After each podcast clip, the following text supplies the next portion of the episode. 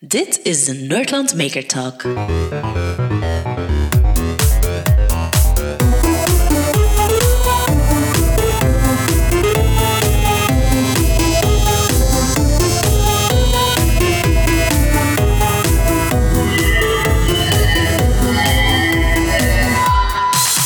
Okay, so um, we'll do this in English. It's the first Maker Talk in English. Yes. Martin, uh, my English isn't very good. I understand it, but I don't really. Let's, Um, let's- let's speak some ding- Dinglish. yes, we are uh, Dutch speaking English, but it's like everyone in the world. We're doing our best. So, Yeah, I'll do my best. but there's a big reason we're doing this in English Yes. because um, one of my um, yeah heroes, because he was the first person who ever taught me to solder. Like I know many people, uh, is Mitch Altman. Hey. um, yes, is a is an inventor as a profession. That's what I thought. It's it's a, a boy's dream, I think, to become Or, an or a inventor girl. or a girl uh, dream. Yeah, in the end, of course, yes, yes. But it's it's a it's a dream from when you were a kid to become an inventor. Uh, I just always was. I just always was an inventor. Always was like Yeah. a little kid, and then you. Yeah. So, what was the first invention you did? Uh, the first invention that was popular that I did was in high school. This is the 1970s, remember? Yeah. Uh, was an electronic bong. Electric bong. Yeah. And what did it do? Did it So do? it was a, it was a huge water cooler bottle with some toaster wire in a cup, and then uh, a, a tube off the top to a fish pump. And when you touched the the mouthpiece, the resistance of your lips made everything turn on. The toaster wire would would burn the pot, and then the uh, the fish pump would push the burnt smoke into your lungs, and you didn't feel anything. And it was very effective. and the other kids thought it was cool. so you were the cool kid in school. Uh, no, absolutely not. I've never been the cool kid. I, I, I think one of the the, the, the, the things which you also made, and, and probably some people know you about uh, because of that one, is the, the TV-B-Gone. Uh, yeah, that, that's that's uh, hey, it's It's it- the it- most famous invention yet. yeah. yeah, that got me internet famous. So for the people, for the one listener who doesn't know what the TV-B-Gone is, can you quickly explain it? Yeah, it's a remote control that's a keychain. You can carry it with you everywhere. It's got one button, and when you push it, it puts out all the off codes for every TV ever made. Yeah. So it can turn off TVs in public places everywhere, which are for some reason almost always on, and they really need to be off. And uh, so I make this available so that we can do that. So it, it, it's a little electronic device which has four uh, IR LEDs, I A E R yes on top, and then it's yeah all the single codes. Um, yes, and it was the first uh, soldering kit I m- I made with you under Yeah, your I remember. uh, yeah, And- and, long ago. and long ago. Yes, it was 11, 12 years ago, um, and it even made Belgian television. yeah. Wow. That Yeah. was the first actually I saw you uh, on- on a television program where you actually pranking. Uh, we were uh, pranking. We were going to electronic shops, even to uh, um, a burger restaurant where they have so electric displays with their menu on it. cart. And I switched them off. in um, in a cafe where there was a TV playing with soccer, and there were some people looking. But we we uh, uh, it was with um, I, um, it was with permission of the bar owner, so it was a little hidden camera to see the reaction of the people. But it was yeah, Yeah, fun. and for a football game, there's always going to be a reaction if it's a big game, Yes, especially if alcohol is involved. yeah. But the, but, but the nice thing on that project is it, it it's it's uh, it's a very nice and absolutely simple thing. It's very it, it's it's a simple concept. It's just you try every code which there is. I mean, the electronics is, is actually is not that that difficult, and that makes it so nice. It's it's not a super complicated thing, but still you need the ID. And and the, the uh, sometimes the best things are simple ideas, but someone has to have it, and that that's the nice thing. What why you actually started, you had an ID, you made it there, you actually used it as a kid to to teach other people to solder and i think that's that's what makes the whole concept so great Yeah, it's a very simple conceptually uh, Yeah. project, very simple conceptually, but it took me a year and a half to actually make the first Yeah, one. yeah, yeah. And so having an idea is an important thing. Yeah. Seeing a problem where other people might not.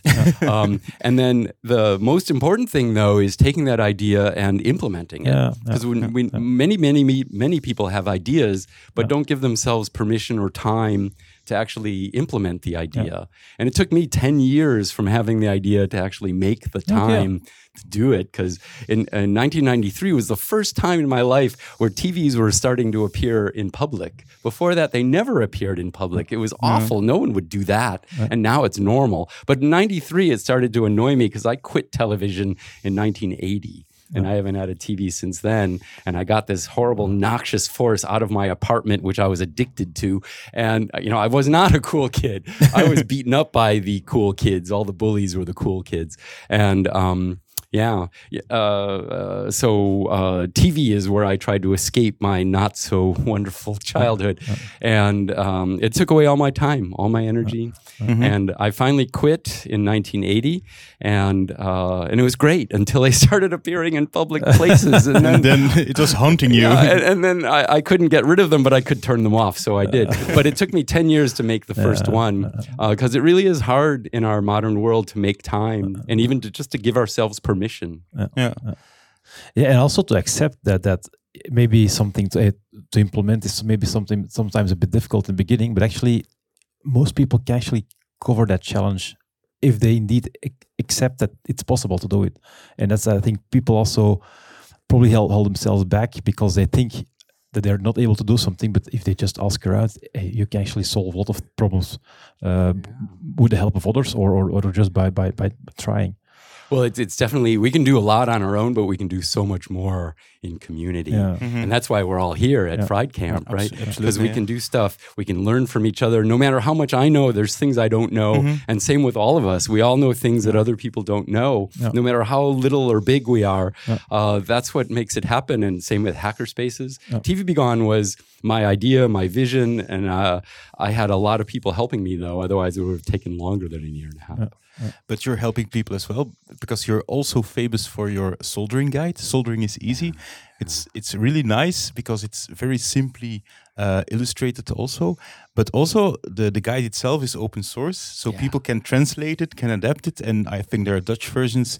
I'm not sure who built it, but it's, it's someone who is on Fri3d Camp here. Is it Anthony? I don't know I don't know. I think Anthony is the one who translated it into Yeah, Dutch. there are two people who translated into into Dutch, which is Um, great because you give something to the community, community rebrands it and gives it back to the community, and that's what all this what it's making and this sharing is about. Eh? that's why I, everything I do is open source. Everything. what, what you, you did here is, is indeed giving giving the, the, uh, some some talk about that guide and and, help, and and and trying to help people to solder or what were the talks about? It was exactly that one. Um, yeah, so I, I gave three workshops here. One was um, Arduino for total newbies, where normally I learn we learn to solder and everyone makes their own Arduino board, which is this little board that makes all sorts of things possible for even people who know nothing. And I bring people who know nothing all the way up to a point where they can make cool projects, just download them, have the confidence to try it and see what happens. Uh, then I had one on my, and I make lots of kits to make it fun to learn how to solder. And one of them is a music synthesizer kit. So I had a workshop on that. And uh, just now I was having just sort of a um, spontaneous workshop showing people how to make TV-B-Gone kits. Oh. And I can solder badge kits. And Okay, so you uh, that's my phone. Got to turn that stuff no problem. off. Perhaps it was your music kit just Uh, playing in your pocket. Appropriate. so you you you you gave the workshop to solder the TV-B-Gone here as well. Yeah, yeah. Um, it's a fun way to learn how to solder. And then you can go around after people learn how to solder, they have something that can help make the world a better place by turning TVs off. I, s- I still feel the frustration in you a bit. oh, I love turning TVs off and I love helping other people do it as well. Another project which is kind of famous of you is uh, the sleep mask. So the lucid dreaming enhancement tool. Or I don't know how to to describe it. Can you describe it? It's it's a, it's a glasses. It's a uh, sleeping mask with LEDs that blink, and then you can try to learn how to lucid to go into lucid dreaming. Yeah. So that's that's a weird project. Um, it, it, I've been playing with brainwaves since I was an undergrad. We had a, a lab. It was sort of cutting edge back when I was an undergrad um, in university. But uh, there was a lab with a really good EEG, electroencephalogram, which measures brainwaves. And I was a guinea pig for that. And we did all sorts of experiments. and I, I saw, I was meditating since I was 13. That's one of the way I got through my uncool years as a child is that helped me a lot. And um, so I would meditate and just see what the brainwaves looked like. Okay. And, and it, it was very definite sequence. And it turns out everyone going from awake to meditation or awake to the sleep or sleep to awake go through a very definite brainwave sequence. And so I, I reproduce that sequence by measuring my sequence for going from awake to meditation or awake to sleep and put it in a microcontroller, a computer chip, and mm-hmm. then it plays it back through blinking lights and pulsing sound.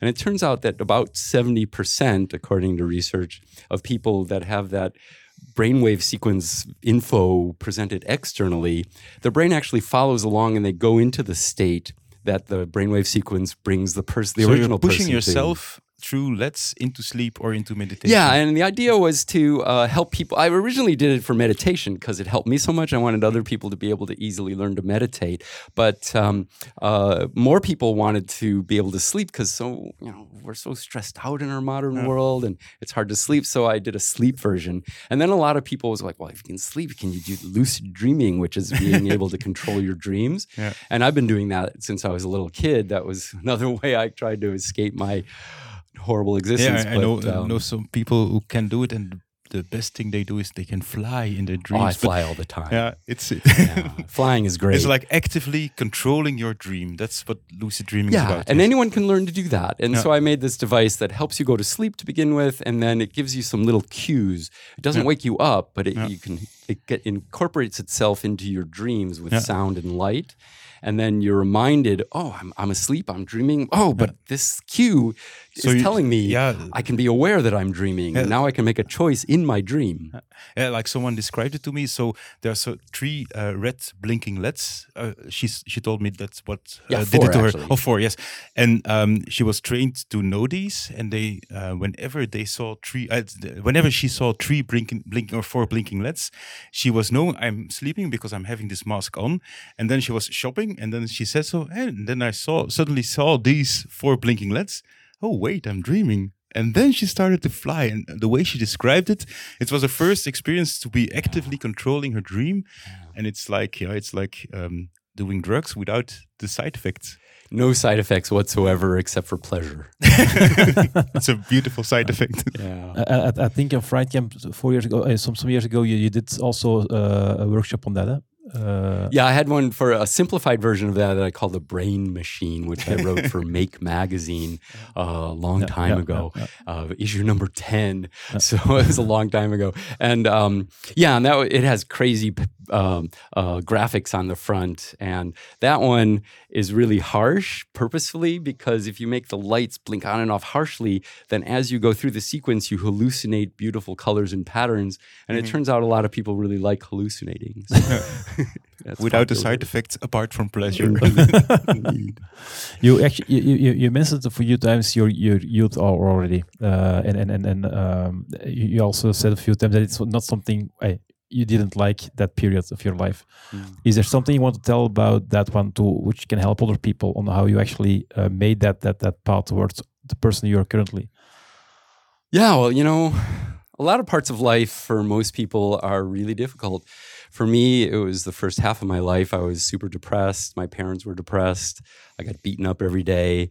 As a little kid, you know, what do we know as little kids? We, we think whatever we're going through is normal. So I, I thought I didn't deserve anything but that. And my parents were no help. The gym teacher watched as the other bullies beat me up every day. And um, it just seemed normal and I tried to escape into television. And um, while I'm watching television, I don't, you know, I'm paying attention to these stories instead. And those stories were pretty stupid. I mean, incredibly stupid. But, you know, they would absorb my attention and I would be seemingly fine for a half hour till the problem resolved on this horrible show. And then there'd be advertisements and then life would suck again and then there'd be another show and everything was fine for another ha- anyways time went away and that was my first addic- addiction and i had several others after that.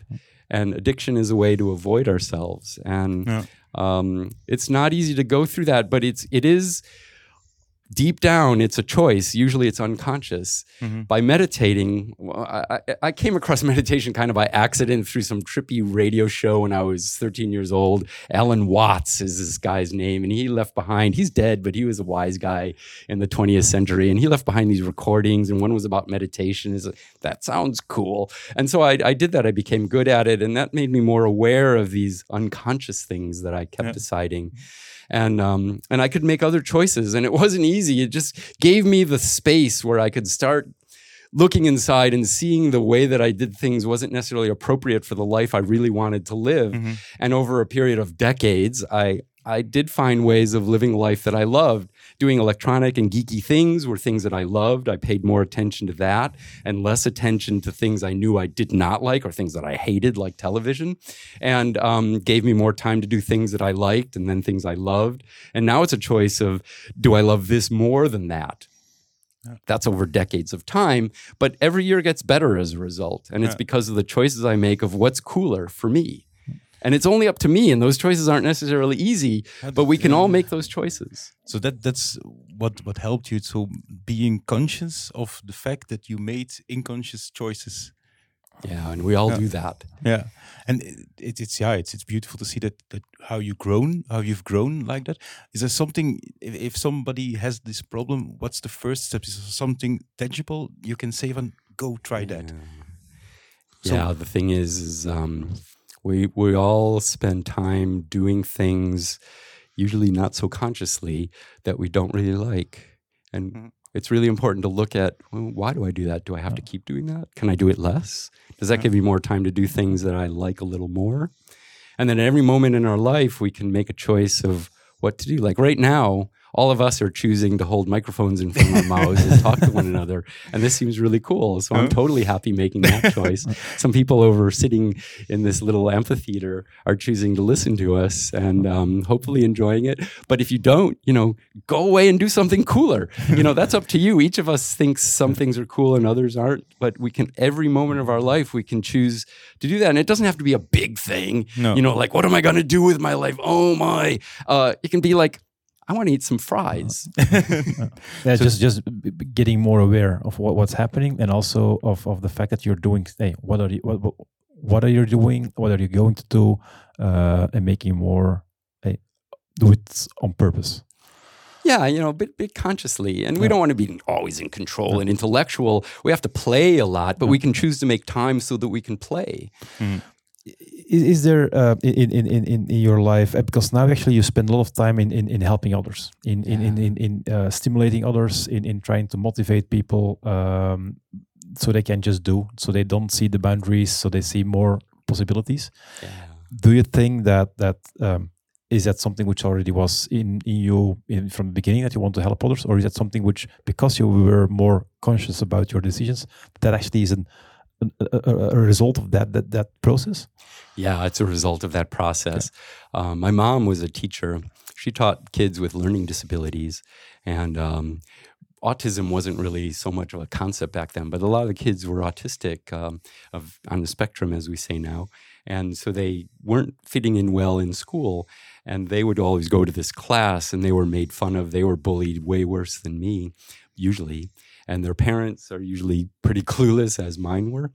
Um, I'm lucky in that even though my mom was depressed and clueless as a parent, she was a really cool human being and she was a great teacher. And as a, a middle school kid, that's what we call it in, in US uh, Yeah. when you're like 11 years old, Yeah. she said, Well, you're making all these cool things. Why don't you come and show them to my kids?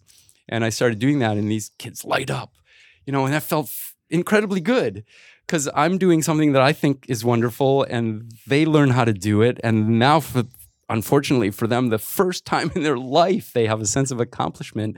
But if I could help them have that, that gives them opportunities they never knew they had.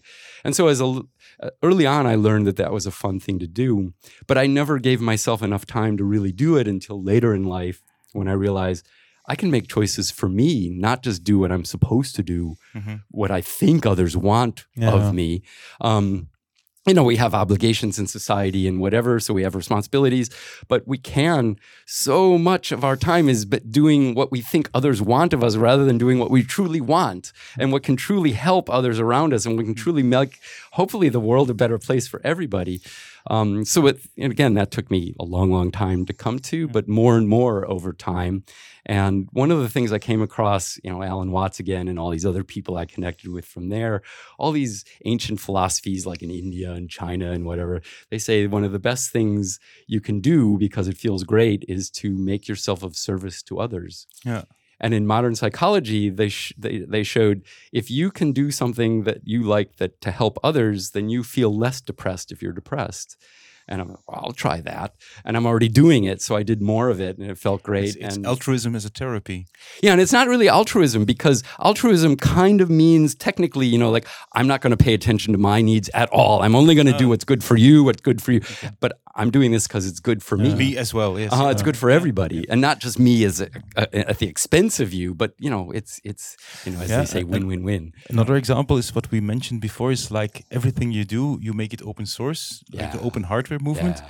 and still it's no no uh, no thing. But uh, you have some patents on your name. Yeah, well, you know, I'm old. So uh, open hardware didn't exist when I started doing all this stuff as a little kid. The normal route, without thinking about it, is um, you're an inventor. What do inventors do? They patent things and then Make they have a monopoly on it and they make money with it and entrepreneurship and all this stuff. So my brother's a patent lawyer. So I did the normal thing without thinking about it. And so TV-B-Gone, the first thing I did after making it work is my brother patented it for me. For you, behind your back, or did No, you no, know? no, with me. With it was a lot of work. Yeah, we did it together. Uh, if you normally do it, it's like a minimum of thirty thousand euros because you have to do it in the U.S., you have to do it in Europe, you have to do it in China, and all these other places. And translations, it's so much work. Uh, but with my brother, he did the work for free, and so it was just like a couple thousand dollars worth of fees, but a lot of work. But as soon as I did TV Gone, I got invited to my first hacker conference, and that was um, in New York, and it's called Hope Hackers on Planet Earth. Uh, Hope. It's a great conference, and uh, I've been helping organize it ever since because it changed my life for the better in so many ways. And that brought me to the first conference, hacker conference I went to in Europe. This was in 2006 with CCC, Chaos Computer Uh-huh. Club, and I've been going to those and helping organize my hardware hacking area. And it started make helping me to set up these hardware hacking areas to uh, teach people and help people and grow and all this stuff. So, um, anyways, at the first conference in Germany, people were like totally loving this TV-B-Gone project, but then they go, it says patent on it. What's this about?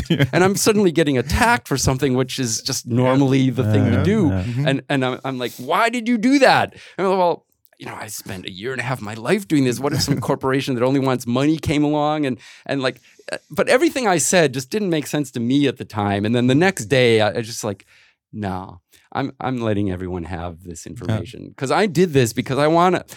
I wanted TVs off in my presence, but I wanted to help other people have them off in their presence. And you know, and I have sold 880,000 of these things, and I've only sold 880,000 of them so many because it's open source. Yeah. People make them and they're excited about it, and I want them to make it because I want them to have less TV and more time in their life. So and it's a triple win. Oh, it's win all the way around. And so, why am I going to put this impediment in their way, this patent, uh-huh. so that it, that it- that doesn't make sense? Uh-huh. I want them to do it. So I made it all open source, and the more people who make it, the more people they tell their friends about it, and they're excited about it. The uh-huh. more people who find out about TV Gone, the ready-made one, and I get more sales, right? And that's not why I did it, but it turns out that that's the case, and it really is of an advantage all the way around. There's no disadvantage to making this open source. But, but actually, I think open source can can perfectly work together with the patent because the patent actually just makes sure that others can't just uh, commercialize it. Yeah, but they can't commercialize it. Well, actually, I want others to commercialize it. Okay. I'm making TV-B-Gone because I want people to consider in a fun way. You know, if I just stand on this thing and yell at people, turn your damn TVs off, like that's crazy. Why no one's going to listen to me, right? So, but if I just have this device that makes it fun to turn TVs off, then um, people do it, right? And so I want people to have this device. I want people to have the opportunity to think about it. If other people can do it better or just add to it and okay. get it available to more people, great. To be truly open source, you can't put that impediment in the way. That's the definition. We all came together in seven or eight, I forget, to define what open hardware means. And that was in a, a meeting in New York City, and that started the Open Hardware um, Association, uh, Open Source Hardware Association, OSHWA. Um, so, um, yeah, we can't put that impediment in there to call it open hardware, and we shouldn't. We're doing this because we want to put our thing out in the world, and we can help others do it as well. So, no problem there.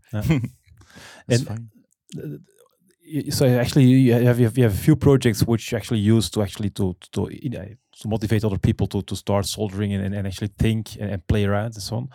Are there any what, what are the the next things going to happen in the next few years? If for example if you're here back in two years in Fri3d camp we actually ask the organization please do another Fri3d camp but the rule is they don't talk about it until the end of Fri3d camp. What are you going to do in the, in two years? Well, it's been proven through 300,000 years of human existence that we're terrible at predicting the future. that's that's why i ask it's always fun predictions But are always everybody has an opinion about the future. yeah, like who would have predicted a pandemic that lasted three years? So um, I don't know. You know, all I can really say is that I'm going to keep making choices based on what I think is cooler, and wherever that leads me is where it leads me, and I'll learn from it and make choices, and hopefully the choices get better for me and for others around me over time. And that's all I can really say. I don't really see that I'll stop doing workshops unless I can't walk or fly or travel or what. You know, I take the train now that I live in Europe.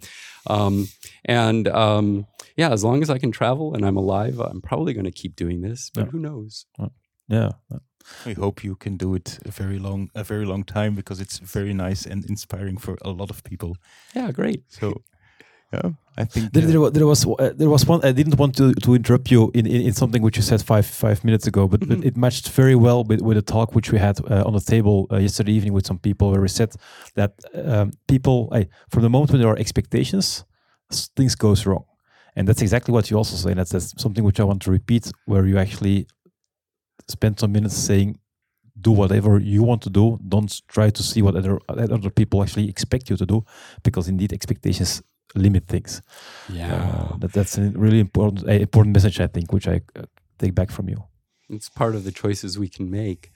You know, we can, like the first half of my life, I was totally depressed. And what I ended up doing, learned to do at an early age, was do things based on what I thought other people wanted. But it wasn't even what other people wanted. Yeah. We can't read other people's minds. They have to tell us. We have to ask. And um, so I wasn't even, I wasn't making others happy. I certainly wasn't making me happy.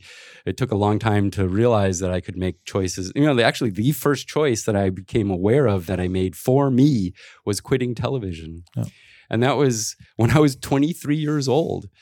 Uh, it was the first choice I made for me. Um, and and I, ever since I, I knew I was addicted to TV, which was at a really young age, I knew I didn't like it. It gave me something, but it took more away. It took my time. It took my energy. It took it filled my brain with stories that weren't mine. Um, but yeah, I I finally realized, even though um, I was doing that all those years, sort of against my will, but that was my choice. Yeah, That- that's And I- I, could do a different choice. the, the same struggles that people now having with smartphones and with social media and so on. That's, I- I Excuse think- me, this is more important. exactly. That, that that's the. Um, I think people know. uh, I just spent twenty minutes on something which maybe there was one thing fun, but that's all, and still. Mildly fun, maybe. Yeah, yeah, and still they keep on doing that. Yeah, and Facebook and Twitter and Reddit and YouTube, et cetera, et cetera, just like TV before it, knows about the people who create the content and the platforms Yeah. know about human addiction. They hire psychologists to make their platforms as addictive as possible. And Facebook purposefully, and it's public now from all these people who quit Facebook. Um, the average amount of time when you go on Facebook just to check a message quickly is five minutes.